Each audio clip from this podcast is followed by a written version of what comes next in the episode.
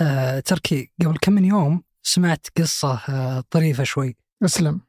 قصة واحد كان يشتغل بمحطة بنزين. أيوه. وكل ما جاء واحد قاعد يرحب فيه ويسأل عن اسمه.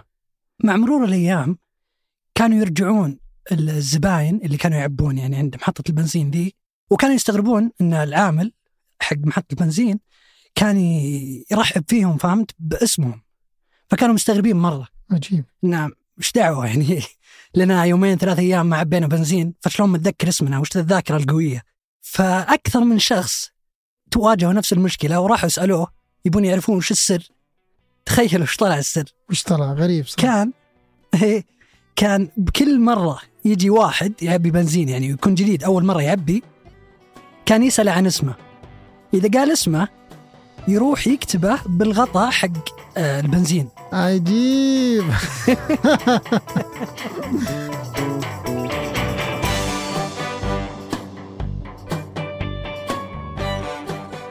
هذا بودكاست الفجر من ثمانية. بودكاست فجر كل يوم نسرد لكم في سياق الأخبار اللي تهمكم.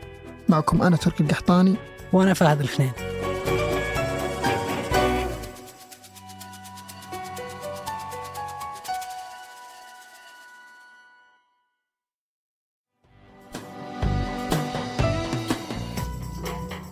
الأسبوع الماضي تزينت سماء الرياض بطائرة طيران الرياض اللي حلقت لأول مرة فوق المملكة. بعد أشهر من توقيع الشركة صفقة ضخمة مع بوينغ الأمريكية لشراء 78 طائرة من نوع دريم لاينر ويعتبر طيران الرياض ناقل وطني جديد في السعودية إلا أنه بيكون مختلف تماما عن الخطوط السعودية. فالخطوط تستمر في مقرها الرئيسي وهو مطار الملك عبد العزيز في جدة. هذه خطوط السعودية وتركز على سفر الحجاج والمعتمرين لكن طيران الرياض اللي راح تكون الرياض مركزها الرئيسي بيلعب دور مهم في السياحة العالمية للسعودية والمتوقع من الطيران الجديد بحسب بلومبرج إنه ينهي هيمنة الإمارات وقطر في هالمجال. ولو تلاحظ طوال السنوات الماضية ركزت قطر والإمارات على تحسين تجربة السفر في ناقلاتها الوطنية. قدموا خدمات إضافية تندرج ضمن إطار السفر الفاخر لدرجة أنك ممكن تستحم في الجو في بعض أنواع الرحلات والدرجات. وقدرت الخطوط القطرية خطوط الإمارات أنهم يحولون مقراتهم الرئيسية اللي هي الدوحة ودبي. مو بس نقطة وصل بين دولة ودولة إلا أنها أيضا وجهة سياحية يحرص المسافر على زيارتها قبل يوصل وجهته الأخيرة. وحاليا يشغل طيران الإمارات أكثر من 3500 رحلة كل أسبوع.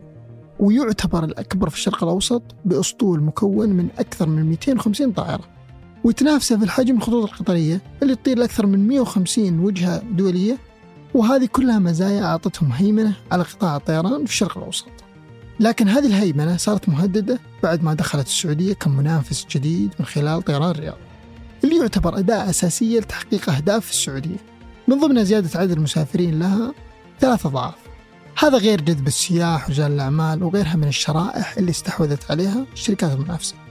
ومتوقع يبدأ طيران الرياض أولى رحلاته في عام 2025 والهدف أنها تربط السعودية بأكثر من 100 وجهة بحلول 2030 وراح يكون مقر الخطوط الجديدة مطار الملك سلمان الدولي في الرياض اللي يتم بناء لخدمة 120 مليون مسافر سنويا في 2030 هذا يعني أكثر ب 30% من الطاقة الاستيعابية لمطار دبي الدولي.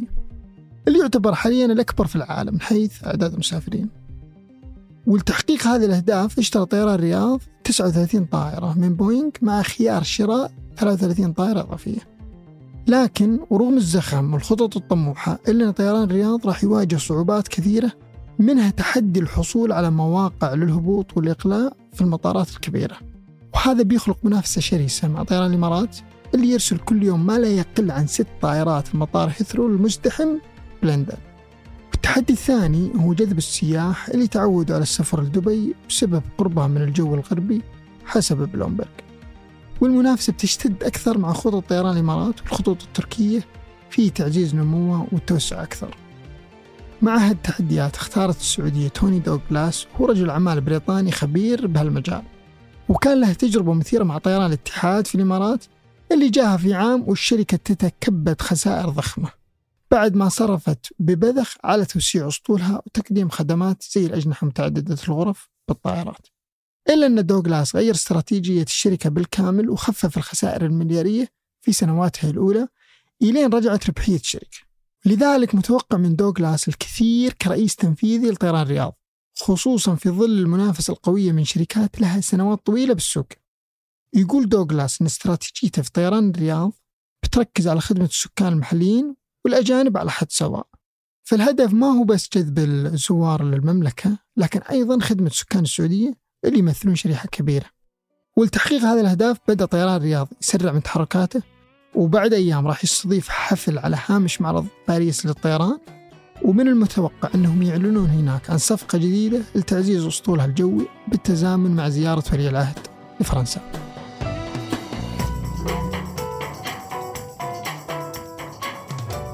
وقبل ننهي الحلقة هذه أخبار على السريع.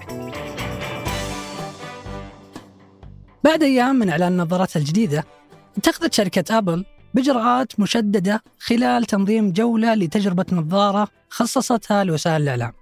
شارك بها مجموعة من المواقع والقنوات الإخبارية وعدد من المؤثرين والمدونين التقنيين على شبكة الإنترنت.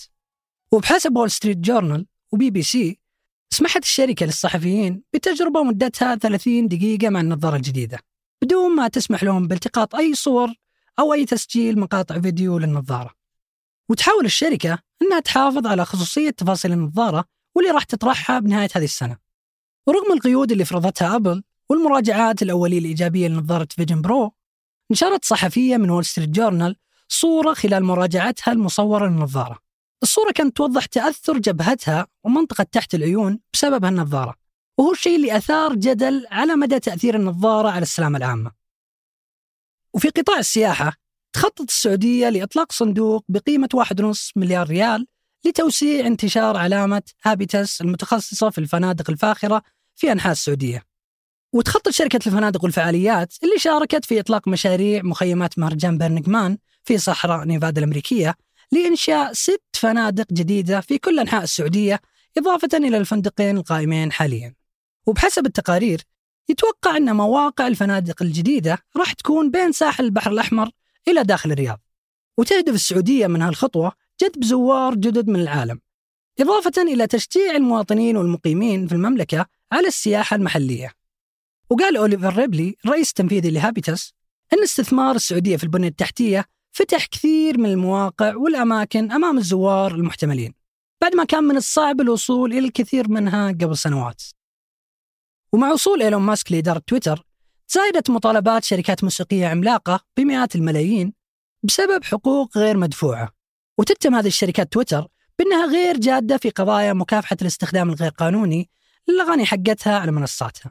وقال المدير التنفيذي لجمعية ناشري الموسيقى الأمريكية أن تويتر هي الشبكة الاجتماعية الرئيسية الوحيدة اللي ترفض باستمرار عقد صفقات لاستخدام ملايين الأغاني. وأضاف إلى أن القائمين على تويتر على علم أن الكثير من الأعمال الموسيقية تستخدم بشكل غير قانوني على منصتها. وانتقدت شركات موسيقية إجراءات تويتر في هذا الجانب وصفتها بأنها بطيئة. واتهم تويتر بأنه يستخدم هذا المحتوى حتى يجذب مستخدمين الإنترنت بدون مراعاة حقوق المنتجين الموسيقيين. ويطالب أعضاء المدعين العامين في القضاء الأمريكي بوقف هذه الممارسات وبدفع 150 ألف دولار عن كل عمل موسيقي يستخدم من دون أذن.